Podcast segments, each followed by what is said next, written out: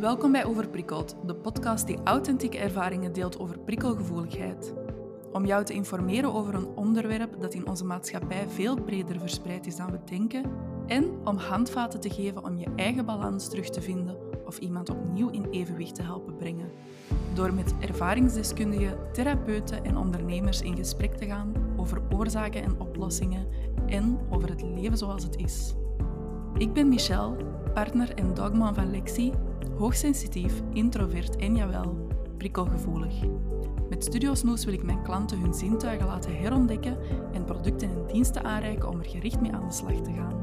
Niet louter ter ontspanning of uit zelfzorg, maar om effectief tot rust te komen. Met de tweewekelijkse podcast Overprikkeld hoop ik hetzelfde doel te bereiken. Dag Elise. Hallo. Bedankt dat je hier te gast wil zijn op mijn podcast. Voor de luisteraars is het misschien handig om te weten uh, wie jij bent. Dus stel jezelf kort maar eens even voor. En zeg misschien ook even van waar dat de luisteraar jou zou kunnen kennen. Ja, dus ik ben Elise. Um, ik ben 35. Ik woon in Antwerpen.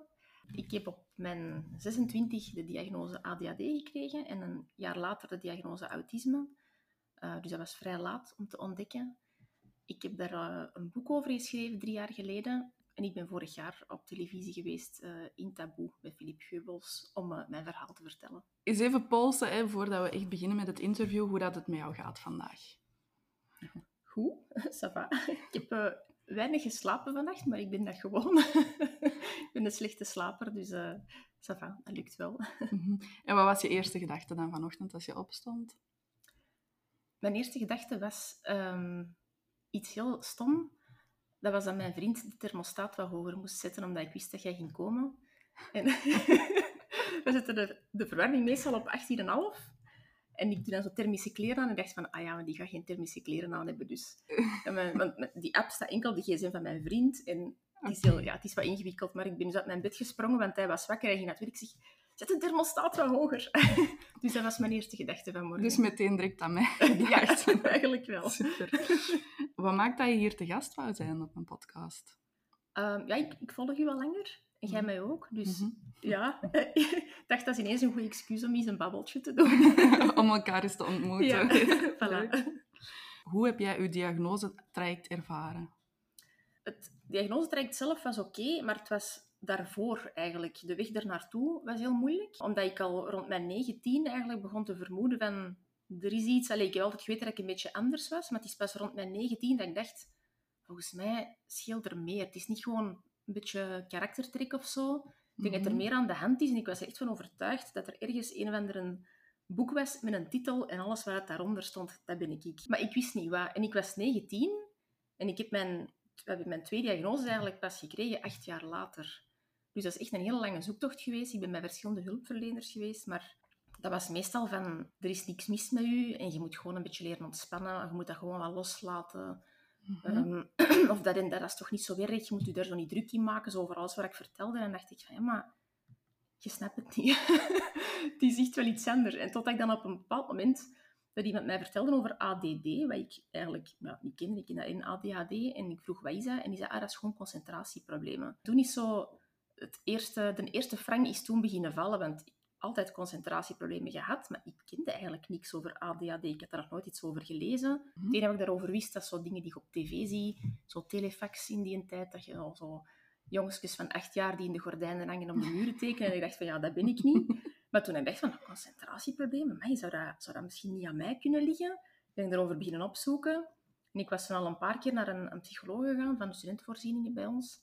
En ik was heel blij en ik zeg, ik denk dat ik weet wat dat is. Uh, zou het kunnen dat ik ADHD heb? En die was wel geambeteerd van, oh, maar nee, je hebt helemaal geen ADHD, want je hebt diploma's. Je kunt geen ADHD hebben. Ja. En ik zeg, ja, maar ik slaap ook heel slecht en dat heeft dat ook met te maken en zo. En dan, dan zei hij, nee, dat, allee, dat, die was echt zo van tafel ontvegen. En dan dacht ik van, oh nee, ik heb echt mijn eigen zo hard aangesteld. Waarom ga ik eigenlijk naar die psycholoog? Er is inderdaad niks mis met mij, want kijk, ik doe het toch allemaal hey, ik ben aan het studeren, ik heb inderdaad diploma's, alles gaat goed. En het is eigenlijk pas ja, zes maanden later of zo dat ik er met mijn mama over aan het praten was. Dat ik, ja, dat ik dat zo tegen haar zei en dat, dat we zo'n paar dingen dachten van, ah, misschien is dat toch niet helemaal normaal. En dat ik naar een psychiater ben gegaan om me echt met specifiek de vraag, heb ik ADHD? En dan is eigenlijk een bal wat aan het rollen gegaan. En dan een jaar later ongeveer, want ik voelde nog altijd dat dat niet helemaal de lading dekte, want zo roekeloos en impulsief zijn, dat heb ik eigenlijk niet. Dat... Mhm. En ook zo heel dat routines willen, dat is eigenlijk helemaal niet zo... Allee, dat klopt niet met ADHD. Nee.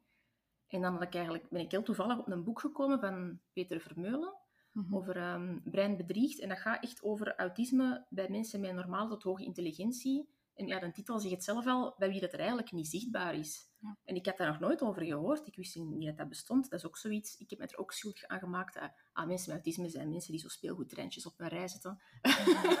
Meer wist ik daar ook niet van. Eh, en dan ben ik dat beginnen lezen. Allee, gewoon in bladeren in de winkel. En ik dacht, oh, iemand heeft mijn biografie geschreven. ik ga die een boek kopen. en dan eh, ja, heb ik mij er ook voor laten onderzoeken. En dan, allee, dat was overduidelijk dat ik dat ook had. Ja, ja. Want dat onderzoek tegenwoordig, het is pas nog in de pers gekomen, dat die wachttijden tot twee jaar oplopen. Ja. Ehm, wat is uw gedachte daarbij? Oh, dat is heel lastig. Hè? Ik, ik kan me dat heel goed voorstellen toen ik mijn vermoeden had van, van autisme. Wat voor mij eigenlijk meer iets deed klikken dan ADHD. Toen ik alleen na acht jaar zoeken, ik wist, deze is het. Maar ik moest dat gewoon zwart op wit hebben en zo snel mogelijk. Mhm. ik, ik had zo hard die erkenning nodig. Ik was er echt naar aan het hunkeren. Mhm. Om aan alle mensen te kunnen laten zien van kijk, ik ben niet aan het overdrijven, ik ben niet flauw, het is zwart op wit. Dus ik, ik had dat heel hard nodig om, om heel snel een diagnose te hebben. En dan had ik de keuze ofwel een gesubsidieerd centrum en één of twee jaar wachten, ofwel naar een privécentrum gaan en volledig allee, alles zelf betalen. Hm. Maar dan ging het veel sneller. Ik denk dat dat toen, ja, dat is, dat is eh, ja, ze- ja, een aantal jaar geleden, ik kan niet zo goed rekenen. Ehm, en dat was toen al oh, 800 euro of zo. Ik denk dat dat ondertussen nog allee, al duurder is. Ja. Maar ik, ik kon na een maand mijn intakegesprek al doen. En dat traject ging drie maanden, denk ik, duren. En dan ging ik het weten. Ah, ja, Dus ik dacht, ja, zo, Ja. neem al mijn geld, het kan mij niet schelen. Ik zal wel bokens met choco eten over een paar weken of zo. Dat, dat, dat, kon mij dat maakte me echt niet uit. Ja. Dat is, eh, ja, dus dat is direct beslist. Momenteel wordt er dan ook in de pers gezegd van ja, we geven voorrang aan de jongste kinderen om een diagnose te stellen. Wat vind je daarvan? Dat, dat de ouderen, hè, want ze zeggen dan van kinderen die hebben daar ehm, die hebben snel, eh, meer nood aan een snelle diagnose, zodat erop kan worden ingespeeld. Maar ja, en de volwassenen dan, die misschien al zo lang Ja. inderdaad, zoals u, met het gevoel zitten van er is iets met mij, maar ik weet niet juist wat. Ja, het- dat is zo het jammer. Je moet een diagnose hebben om aanpassingen te kunnen krijgen op school, maar ook allee, voor, allee, andere dingen, ook als je allee, hogere studies doet. En dat is eigenlijk jammer. Ik denk, allee, moest je Mhm. iedereen behandelen allee, als een individu en zien wat zijn die individuele noden en daar direct op inspelen, dan is de diagnose misschien minder dringend, Mhm. denk ik. En dan, Ja. dan, dan zou het misschien eh, minder een probleem zijn. Maar gelijk op school, als je wat aanpassingen wilt in de lagere school of het middelbaar, ja, ik vermoed dat je dan echt zwart op wit je diagnose moet hebben om ergens, om ergens te geraken. Dus ja, dat is waar. ja, moest dat niet zijn, dan zou het anders zijn. Ja. Ehm, wat betekent het voor jou om die combinatie te hebben van autisme en, en ADD? Ja, dat is wel pittig. dat, is, eh, dat is best veel. En dat kan soms ook wel tegenstrijdig zijn, maar dat kan soms ook dingen dubbel zo lastig maken. Bijvoorbeeld ehm, problemen met executieve functies. Dat is eigenlijk alles... Ja, ja dat, dat omvat heel veel. Dat is gewoon dingen gedaan krijgen. In het algemeen, je organiseren, eh, iets kunnen plannen, iets... Ja, ja, alles wat je eigenlijk als volwassen persoon moet doen dat maakt dat, dat is heel moeilijk, maar dat is zowel bij ADHD een probleem als bij autisme. Dus ik heb bij zo maal twee, denk ik dan. Dat is echt ja, heel, ver- heel vervelend. Mhm. Eh, slaapproblemen komt ook bij allebei voor, dus heb ik dan ook dubbel. Ehm, ja, dat soort dingen. En dan ook tegenstrijdigheden, bijvoorbeeld. Dat, ehm, aan de ene kant heb ik wel nood aan voorspelbaarheid, en routine, maar tegelijkertijd heb ik ook wel soms de nood aan om wat meer geprikkeld te worden en om zo eens iets, iets spannender te doen of zo. Maar dan, Mhm. dat overweldigt mij dan snel en dan wil ik terug routine en dan, Ja. dan gaat het zo een beetje heen en weer. Ja. Ik denk dat dat een heel vermoeiende innerlijke strijd is tussen de twee soms. Ja, ja, die zijn soms aan het vechten. Ja. en hoe was het voor uw ouders doorheen uw diagnosetraject en, en ervoor ook?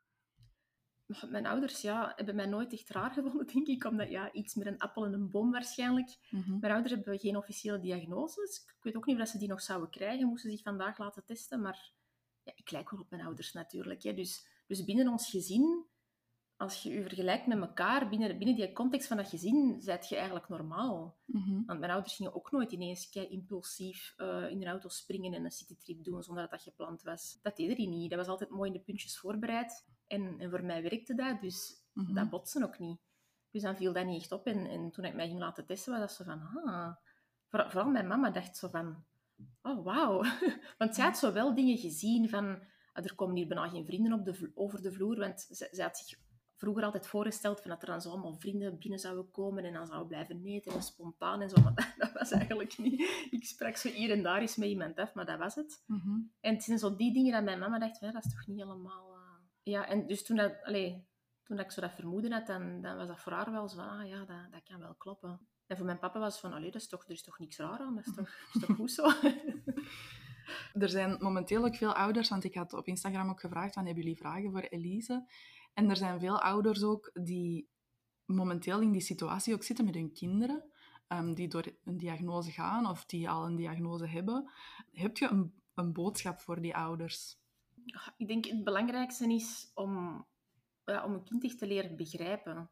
Ik denk als je al begrijpt waar bepaalde dingen vandaan komen of waarom dingen moeilijk zijn, dat je er veel gemakkelijker mee omgaat en dat dat veel frustraties kan besparen. Mhm. En ook ja, proberen, ja, hoe be- hoe beter dat je kind begrijpt, hoe beter dat je ook er kunt mee, ja, dat je met je, met je brein meewerkt in plaats van er tegen werkt of zo. Ja. Ik, heb, ik heb een tijdje terug ook eens een bericht van een, een mama gekregen en ze zei van ja, mijn dochter zegt dat ze te moe is om haar huiswerk te maken, maar ze zit wel tot tien uur s'avonds video's op YouTube te zien op haar gsm. Mhm. Ze zei, ik snap dat niet. Mhm. Want zij had zoiets van, allee, dat, hoe kun je nu te moe zijn voor huiswerk, maar wel tot, tot tien of elf uur s'avonds op je gsm zitten. Ja. Maar ik, ik apprecieerde wel dat ze, dat ze wel zichzelf die vraag stelde en er niet vanuit ging, doe Ja. dan maar gewoon je huiswerk, maar dat ze wel zo dacht van, hmm, misschien begrijp ik het gewoon niet, ik zal het eens aan iemand vragen. Ja. dus ik denk dat dat eigenlijk al... Het feit dat ze zich die vraag heeft gesteld en, en er eigenlijk meer over weten, dat is eigenlijk al keigoed. Ja. Dat je er niet vanuit gaat van, ja, maar ja, als je dat kunt, dan kun je dat ook. Of, of, of Mhm. ik had bijvoorbeeld als kind... eh, Ik heb er eens een post voor gemaakt dat ik niet graag eh appelsiensap met pulp drink, bijvoorbeeld. Wat ik heel vaak te horen kreeg, was... Snoepjes, dat zijn ook stukjes. En dat lust je wel. En dan dacht ik in mijn eigen van... Ja, dat is helemaal niet hetzelfde. Maar dat ga ik hier ook niet zitten uitleggen. Maar ik was een kind, dus ik kon dat niet uitleggen. Maar dat is zo frustrerend. En dat, dat mensen zo'n dingen zeggen. Al ja... dus ja, iets, iets verder kijken dan... eh, ja, er, er bestaan ook allerlei opleidingen of, of zo dingen om, om, om dat beter te begrijpen in boeken en zo. Dus ja, Ja. er, is, er is materiaal. inderdaad. En Instagram-accounts zoals het uwe. Hè? Ja, ja, ja. Volg mij. nee, maar er, sta, er bestaan inderdaad ondertussen heel veel, heel veel informatie over, denk ik, om ehm, te proberen te duiken in het hoofd van iemand ehm, met een bepaalde ja, prikkelgevoeligheid of een bepaalde diagnose, maakt al niet uit. Ehm, dus er is zoveel informatie, denk ik, voorhanden nu, dat het wel de moeite waard is om daar eens in te duiken, denk ik, om je kind ehm, Mhm. beter te begrijpen of, of jezelf ook beter te leren begrijpen waar dat allemaal vandaan komt. Ja, bijvoorbeeld, nu denk ik er ook aan met een Audi-coach bijvoorbeeld. Die kan je iemand ook helpen met zo'n psycho-educatie van, van waarom heb ik dat of dat probleem. En misschien is dat als je kind er naartoe stuurt, dat je gewoon zo ook een afspraak maakt waar je als ouder bij bent, dat je kunt zeggen van ja, leg mij nu eens uit waarom Ja. deze, deze moeilijk is en wat kan ik als ouder doen. Ik denk dat dat misschien ook, eh, omdat die persoon ook het kind kent en dat het dan ook individueler is dan iets dat gewoon uit een boek komt. Ja, want er waren ook ouders die zich afvroegen van, ja, ehm, is mijn kind eigenlijk wel gelukkig? Oh. Die zich echt afvragen van, ja, hé, mijn kind heeft een bepaalde diagnose gekregen, bijvoorbeeld autisme zal ik nu meer zeggen, ehm, die zich echt heel hard afvragen of dat kind gelukkig is op dat moment. Mm.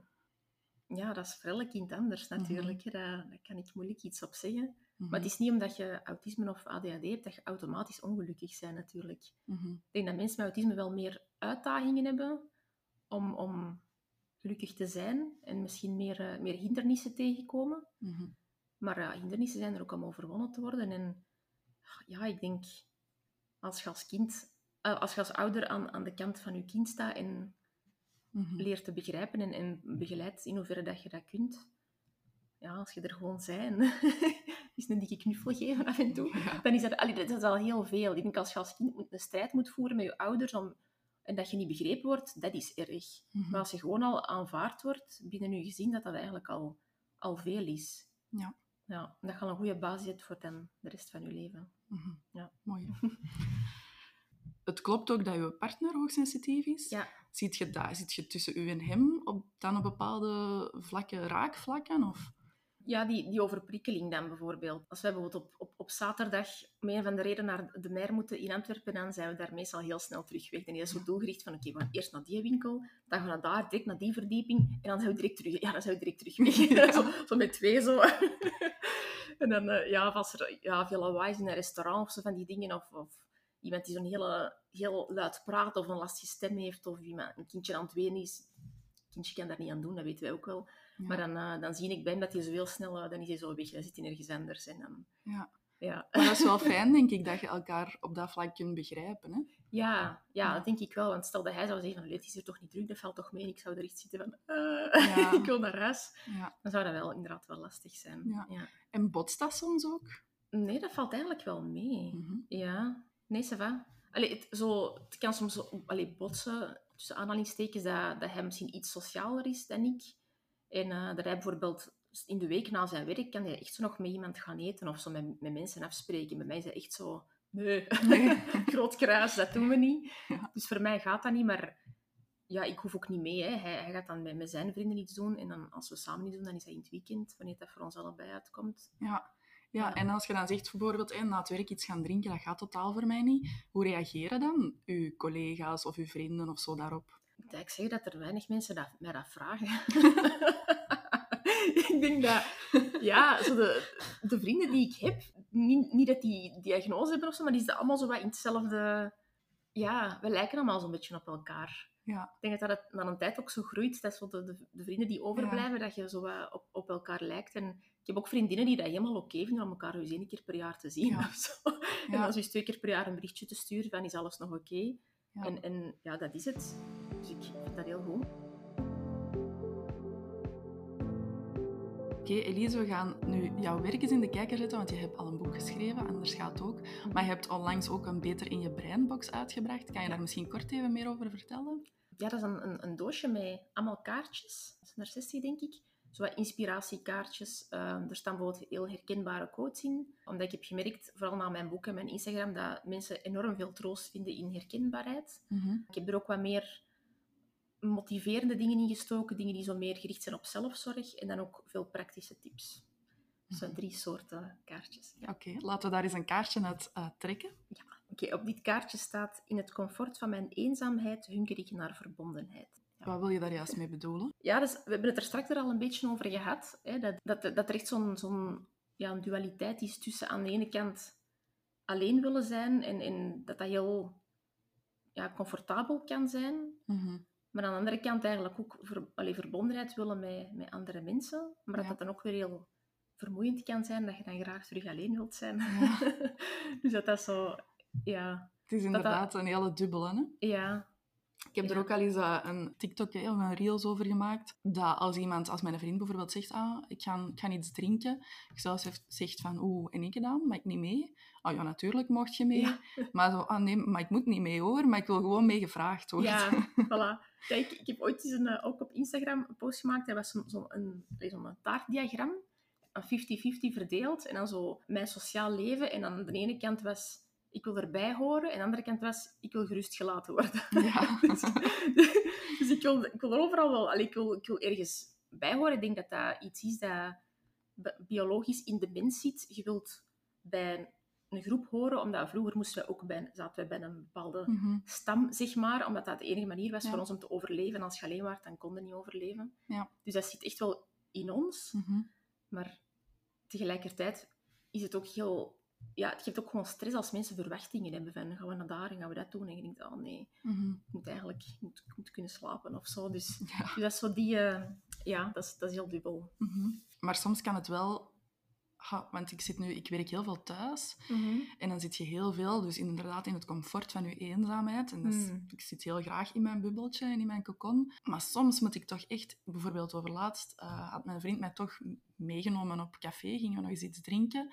En daar zat een vriendinnengroep van mij van, van vroeger. En doordat ik al zoveel niet meer ben buiten geweest met sociaal contacten, sloeg ik ook echt helemaal dicht en wist ik echt niet hoe ik op dat moment moest reageren. Ah, ja. Dat ik daarna ook zo tegen mijn vriend zei van ik ben precies mijn sociale vaardigheden aan het verleren of zo, of aan het kwijtspelen, omdat Ja. ik mij zo in dat comfort heb gezet van, van alleen te zijn of binnen een hele eh, bekende kring van familie gewoon, een heel klein netwerk, dat ik mij soms een beetje klazenaar voel.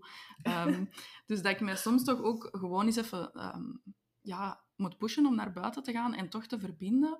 Want als ik dat dan gedaan heb, dan vind ik dat wel heel fijn dat ik dat gedaan heb. Ja, En dat ik zo nog eens met iemand heb kunnen babbelen over ja, alledaagse dingen of wat er scheelt, of dat je zo eens even kunt ventileren. ja. Dat dat dan toch wel deugd heeft gedaan. Ja, ja, ja, dat snap ik. Ik heb ook... Ik, eh, ik ga één à twee dagen per week eh, naar kantoor om, voor mijn werk in Brussel.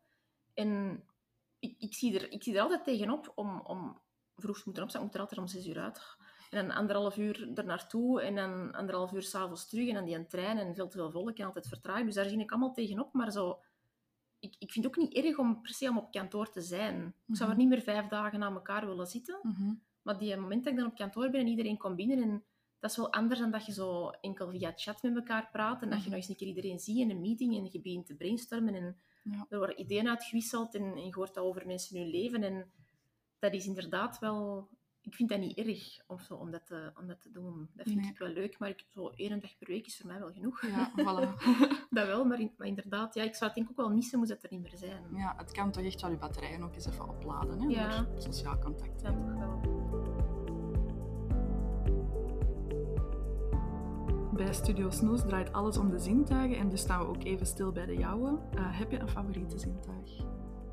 Mm, ik denk ehm, zicht. Mhm. Ik ben heel, heel visueel ingesteld.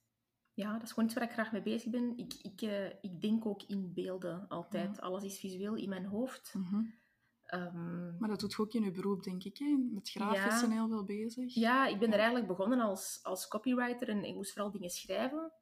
Maar dan hadden we geen designer meer, dan gingen we het allemaal zo wat zelf doen. En dan een tijd ben ik zo meer en meer dingen op mij beginnen nemen van design. En nu, als er zo iemand nieuw bij ons begint en dan ze gaan zo iedereen af en zeggen van, ah ja, Elise doet dat en dat. En dat is ook onze designer. Denk ik, oh, oké, is goed. dat is zo nooit officieel gezegd geweest, maar Mhm. elke keer als er iets ontworpen moet worden, dan, dan komen ze bij mij en dan kan ik mij volledig laten gaan. Dus ik heb heel onze nieuwe website eh, mogen, Ja. mogen maken. Dus inderdaad, dat is iets dat, dat heel natuurlijk komt voor mij. Mhm. En dat ik heel, heel leuk vind. En eh, ik maak bijvoorbeeld ook heel graag infographics Mhm. over dingen die zo wat moeilijk en complex zijn omdat ik dat ergens ook zelf nodig heb. Als ik zoiets aan het zoeken ben en hoe zit dat met de premies van dat en zo. Want ja, ik doe veel dingen over renovatiewerken en zo op mijn Mhm. werk. Mhm. En dan vind ik dat heel leuk om te doen, maar ik ergens ook zelf nodig heb om die informatie zo Ja. te ordenen. Van oké, wat is nu eigenlijk de structuur? Hoe zit het nu eigenlijk? Ja. En dan ga ik dat allemaal zo weergeven. denk ik, ja, iedereen moet dat kunnen begrijpen. Ik ga het helemaal duidelijk Mhm. en mooi maken. En ja, dus eh, dat vind ik tof. Eh, voor welke prikkels ben je over- of ondergevoelig, denk je? We hebben het zo al gehad over hè, de smaakzin met de pulp in de Ja. sinaasappelsap en dan zo tactiele. Ja, ja, dus inderdaad, van wat eten betreft, vooral textuur, denk ik, Ja. dat vervelend is. Mhm. En voor smaak, ja, een beetje van allebei. Er zijn bepaalde smaken die ik heel overheersend vind, zoals paprika. Ik vind als je zo ergens paprika in doet in een gerecht, like in spaghetti saus, dat proeft alleen nog maar naar paprika.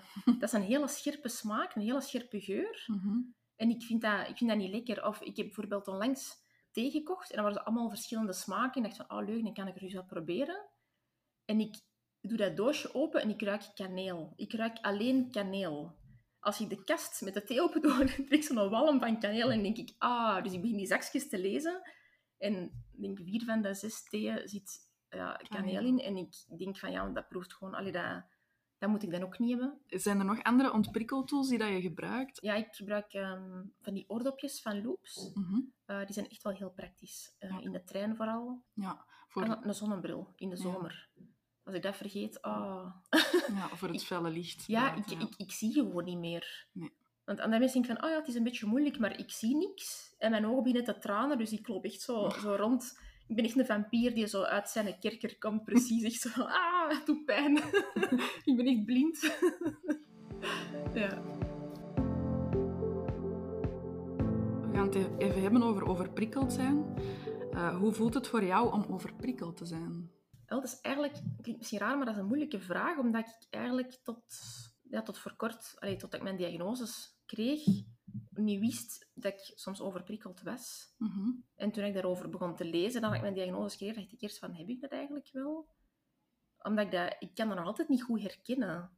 Mhm. Ik vind dat, dat is heel raar, hè? Ja. Alleen nu, nu weet ik wel, als ik... ehm, nu, nu weet ik dat dat overprikkeling is het gevoel dat ik heb wanneer ik thuis kom van mijn werk, meestal. Mhm. Omdat dat een soort van vermoeidheid is die ik nooit op andere momenten heb. Die ik alleen maar heb als ik inderdaad veel contact heb gehad en dat er heel veel indrukken geweest zijn. En nu kan ik dat zo linken denk van, ah ja, dat is een ander soort vermoeidheid. Dat is dan die overprikkeling. Mhm. En meestal komt er ook nog hoofdpijn bij. Dus dan, oké. dat wel. Maar ehm, ja, dat is, dat is nooit heel duidelijk. Ik heb dat meestal ook pas door als het al te laat is. Dus Ja. ik- dat is niet dat ik zo voel dat dat ontvullen is of zo. Want ik denk dan... Ik ben ook zo gewoon, omdat ik mijn diagnose waarschijnlijk ook laat heb gekregen, van, van gewoon door te gaan en alles is goed en mij overal boven te zetten en, en gewoon door te doen. Dat is ook Ja. zo'n automatisme dat ik er niet meer uit krijg, denk ik. Mhm. Dus ik kan dan Ja. ja, bijvoorbeeld zo in een druk café zitten met heel veel mensen, dat iemand vraagt van, ga je toch? Ja, ja, ça va, ça va. Omdat ik, zo helemaal, ik ben zo helemaal aan. Ja. En ik ben zo helemaal hyped en, en veel energie en vol adrenaline, want ik ga socializen op café en alles gaat goed. En dan zo ineens denk ik, ja, ik moet naar huis. Het is gedaan. dan is dat zo, ja, Ja. ineens valt ik ook stil. Dan, dan, kan ik dan komt er niet veel niet meer uit. Ik ben niet meer aan het luisteren. Ik, Nee. ehm, Ja. het, het, het moet zo eventjes niet meer. Dat is zo, ja, ik vind het heel moeilijk om dat echt fatsoenlijk te beschrijven. Ja. En gaat je dan ook effectief naar huis op dat moment? Als, het, als, ja, als, als het kan. Me- Meestal hoop ik gewoon dat mensen dat zien. Maar, maar soms kun je ook niet weg of zo. Of is dat zo een of ander dagvullend programma. Of ik weet niet wat. Of familiefeest bij iemand. Of, Mhm. of kerstfeest of zo. En dan, Ja. dan, dan is dat wel moeilijker. Ja. Ja. Ik probeer dan zo van die op voorhand eigenlijk al escape routes of zo in te plannen. Van oké, als het te veel wordt, dan ehm, ga ik bijvoorbeeld zeggen dat onze hond al lang alleen thuis zit en dat ik daar naartoe wil of zo. Dan begin ik zo van die excuses al op voorhand te verzinnen van oké, wat ga ik zeggen als, eh, als het te veel is en ik moet nu naar huis. Ik heb daar nogal van mensen gehoord van, oh, ik ben zo blij dat ik een kat of een hond heb, dan kan ik die als uitvlucht gebruiken. ik heb dat niet. Ja, want ook op familiefeestjes, als, als we die dan meenemen of zo, kan het ook bijvoorbeeld een goede, goede escape plan zijn om gewoon even daar een, een, een toertje mee te gaan wandelen of zo. Ah, ja. Je even uit de drukte kunt. Ja. Ehm, bijvoorbeeld onlangs nog met kerstmis ehm, hadden we Chinees besteld en dat moest afgehaald worden. En dan ben ik de eerste daar echt sta van, oké, ik ga dat wel halen. Ah, ja. Kan ik even in de auto muziek af, even rustig, Ja. zo uit al die gesprekken. ehm, dat is zo even een pauzemomentje en dan terugkomen. Ja. Ik denk dat mensen die roken hebben dat ook. Dat is wat, met kerstmis had ik ook inderdaad mijn familiefeest en dan zo af en toe gaat er iemand weg en dan hadden ze zoiets niet van hé, die staat gewoon gezellig buiten alleen. wil daar ook zijn. Op het werk zie dat ook, zo mensen die zo op een dag eh, zes, zeven keer even naar buiten gaan en dan Ja. staan die ergens alleen op de, op de koer te roken, denk ik, ja, Ja. ik ook wel pauze, maar dat is ook wel raar hè, om er gewoon te gaan. Ja, je moet niet gaan roken om, Nee. om die pauzes Allee, op zich kan ik er wel gaan bijstaan, maar dat vind ik dan ook ambetant. Als ik op de koers zou staan, er komt dan zo'n collega bij staan die aan het roken is en dat is iemand waarmee ik niet veel praat. Dan denk Ja. ik van ja, dan ben ik nog meer overprikkeld van met Ja. u te moeten praten. Als ik gewoon achter mijn computer gewoon door mijn scherm zou zitten staren en zo even een momentje pak. Ja. Wat doe je om te ontprikkelen? Wel, dus als ik van mijn werk thuis kom, en zo die bepaalde overprikkeling, dan moet ik echt even gaan liggen in de zetel. Mhm. En even mijn ogen dicht en zo even weg. Maar ik slaap niet, maar ik, ik, ja, ik probeer... Ik denk dat dat... Ik weet, niet, nee, ik weet eigenlijk niet wat ik doe. Ik heb altijd gedacht dat ik niet kan mediteren, maar soms denk ik van, volgens mij is dat een soort van meditatie die ik automatisch ben beginnen doen. Ik Mhm. kan dat niet uitleggen. Ik, ik focus mij op wat ik op dat moment zie, ook al zie ik eigenlijk niks. Dat is heel, weet dat dat heel raar klinkt. Maar Zijn er dan gedachten die dat in je hoofd gaan, of is het dan echt redelijk stil en... Ja, er, er komen gedachten, maar ik laat die zo voorbij vliegen. Mhm. En dat is, ik kan dat niet op andere momenten. Ik kan dat ook niet als ik s'nachts niet kan slapen. Ik kan dat alleen op het moment dat ik overprikkeld ben en dan gaan liggen. Dat is Ja. heel raar. Ja. Ik snap zelf ook niet wat ik doe. Ja, ik denk toch dat dat een soort van meditatie Ja, is. Ja. Ja. Ja. Ik heb onlangs zoiets tegengekomen, deep, deep rest, no sleep of zoiets, of omgekeerd. En ik heb, ik heb niet opgezocht of gelezen wat het was, maar toen ik die woorden zag, dacht ik van, ah, dat klinkt een beetje als wat ik doe. Ja. Misschien Ja. is dat, ik had het misschien op voorhand moeten opzoeken, had ik er iets over kunnen vertellen. Maar ja, dat is ik, even gewoon... Ja, ik, ik blijf wakker en ik blijf bij bewustzijn, maar toch ben ik zo wat weg en ik, ik focus me heel hard op mijn ademhaling. Ja, dat is, dat is eigenlijk het enige. En dan kan ik daarna wel even... Dat, dat kan soms ook mijn hoofd, hoofdpijn doen verdwijnen. Ja. Dus als ik hoofdpijn krijg, denk ik van, ik ga eerst dat proberen. En dan is dat vaak ook weg. Dus dan Ja. is weer een dag wel gaan uitgespaard. Ja, slapen is voor u een probleem, zegt je. Ehm, wat probeert je te doen om toch een zo goed mogelijk... Of wat heb je nodig voor een goede nachtrust? Ja, ik denk dat probleem bij mij om te slapen is, is dat mijn hoofd niet, niet afstaat. Mm, Ik link dat zo'n beetje aan die hyperfocus dat je kunt hebben met ADHD, dat je soms zo... Ineens is je motor in gang gevlogen en de rem is kapot of zo. Of Ja. zo gelijk een grote steen die van een berg rolt. En zolang dat die niet aan het einde van die berg is gekomen, blijft die rollen. En als je eens halverwege die berg moet gaan slapen, je kunt die steen niet tegenhouden. Die rolt gewoon verder en dat moet dan soms uitbollen tot de volgende ochtend.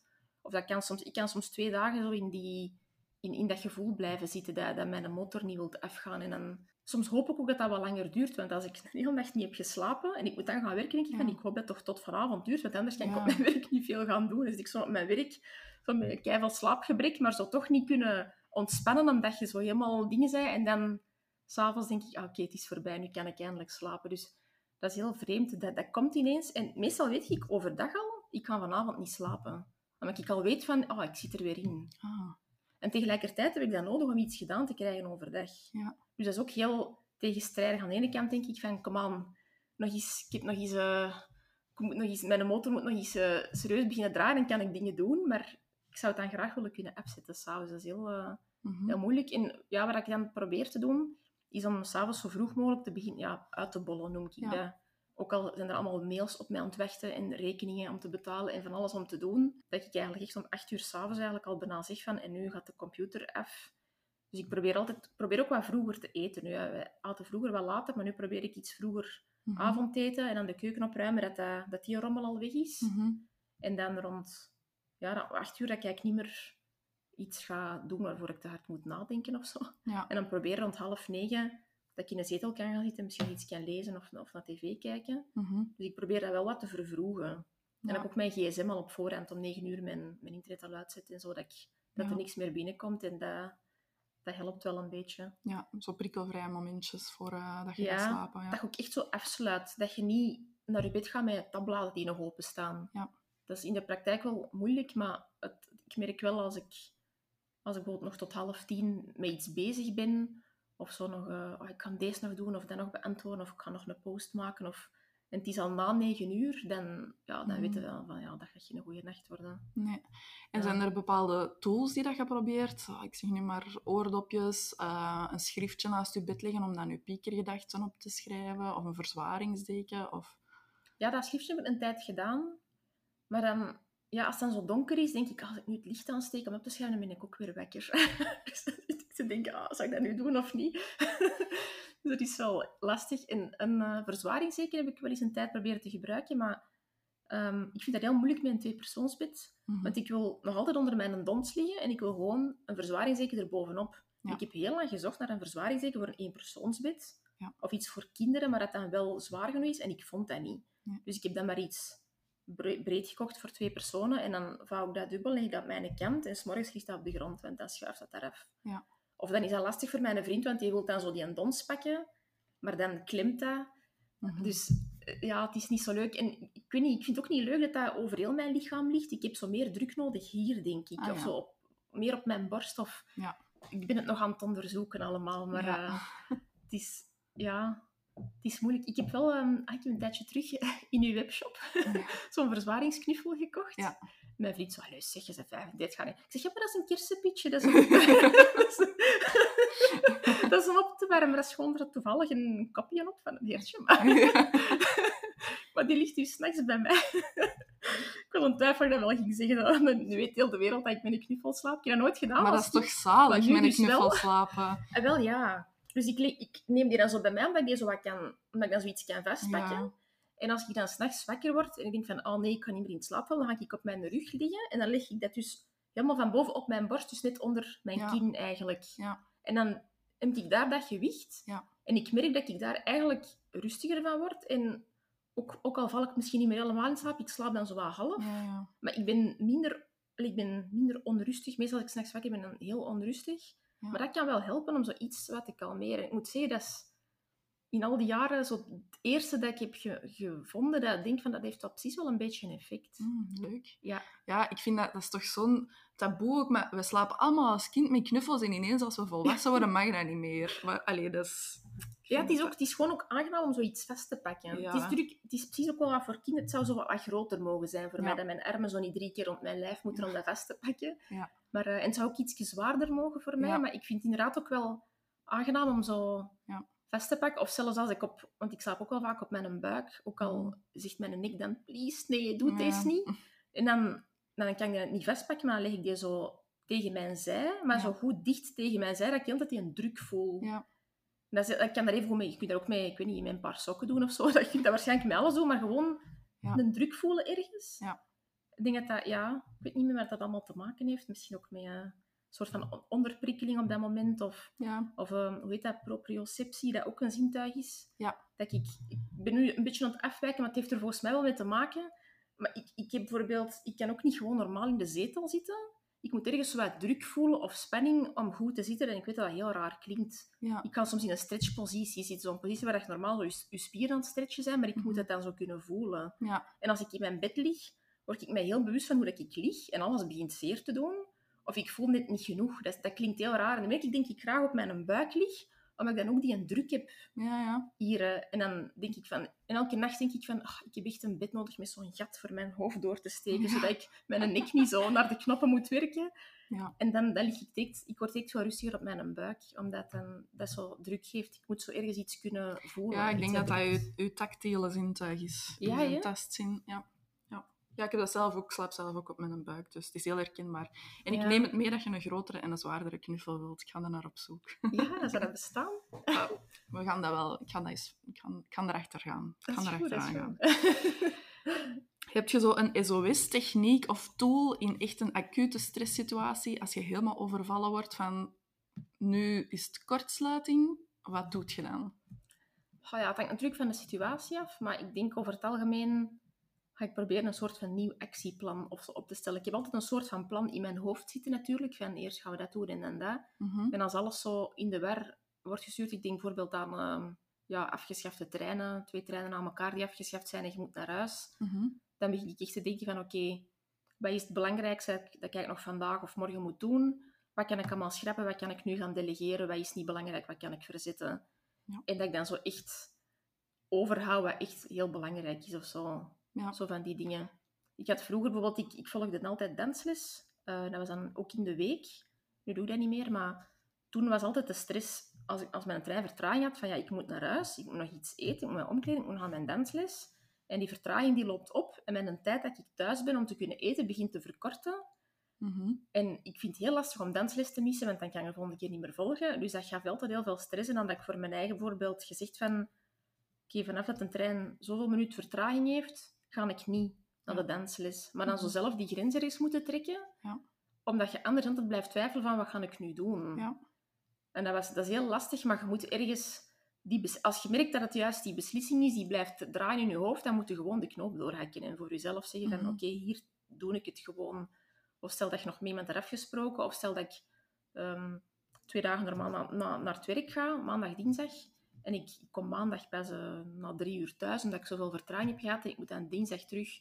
En mijn avond is te kort om op te laden, dat ik dan bijvoorbeeld ook ga beslissen van, ik ga morgen niet naar het werk, ik ga Ja. thuis werken. Ja. En ik ga nog wel woensdag, of ik leg aan mijn baas uit van, kijk, ik ga deze week maar één dag komen in plaats van twee. Ja. Dat je eigenlijk zo'n dingen begint te doen. En, bijvoorbeeld, ah, ik ging vanavond dat en dat koken, maar ik denk dat dat nog goed is tot die dag. Ik verschuif mij, dat in mijn menu. Vanavond ga ik gewoon frietjes bestellen. Dat je zo'n dingen begint, dan, dat is dan voor mij...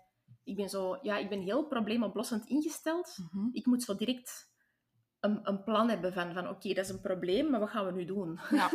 Ja, En als ik dan voor mezelf kan beslissen van oké, ik ga niet meer koken, ik ga bestellen, ik ga niet meer naar het werk, ik ga thuis, Dat geeft rust. dan denk ik oké, dat is gewoon beslist. Ja. Ja, dat ik ook, dat ik ook denk van, het is al erg genoeg dat ik zoveel vertraging heb, ik ga mijn eigen vanavond gewoon verwennen, ik ga Ja. koekjes eten voor de tv of zo. En dan, heb het verdiend, ik ga geen berichten meer beantwoorden, ik ga dat niet meer doen, dat verschuif ik naar daar. En dan, Ja. ja, dat is zo wat het enige dat voor mij... eh, dat voor mij werkt. Oké. Ja. Ik had ook gelezen op uw Instagram, dat je, of, op uw, of op uw blog, denk ik, ehm, dat je op reis was geweest naar Portugal en dat je daar zoiets had van, ha, hier heb ik zo al die stress en die Mhm. overprikkeling en alles waardoor dat ik mij anders voel, helemaal niet.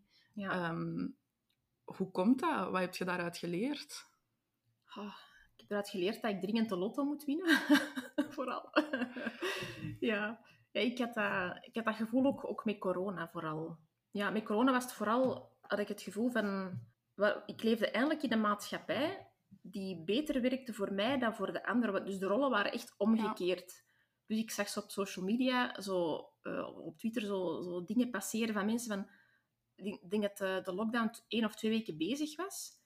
Mensen die volledig aan het wegkwijnen waren. Ik heb al twee weken geen mens gezien. Ik ga eraan kapot. En ik dacht van, ah, zitten mensen overal wat over te zagen? Dat is toch fantastisch, deze. Ge- Geweldig. En dat was zo de eerste keer dat ik dacht van, ah, zo zien mensen mij waarschijnlijk als ze van waarover zit hij eigenlijk te zagen. Ik snap het probleem niet. Mhm. En er zijn echt zo mensen ook naar mij gekomen en gezegd van, heb jij tips of zo om alleen te zijn? Of hoe doet jij deze? Waarom vind jij dat zo leuk? Wat moet ik doen? En ik zeg, ja, gewoon. Ja. Dat is toch...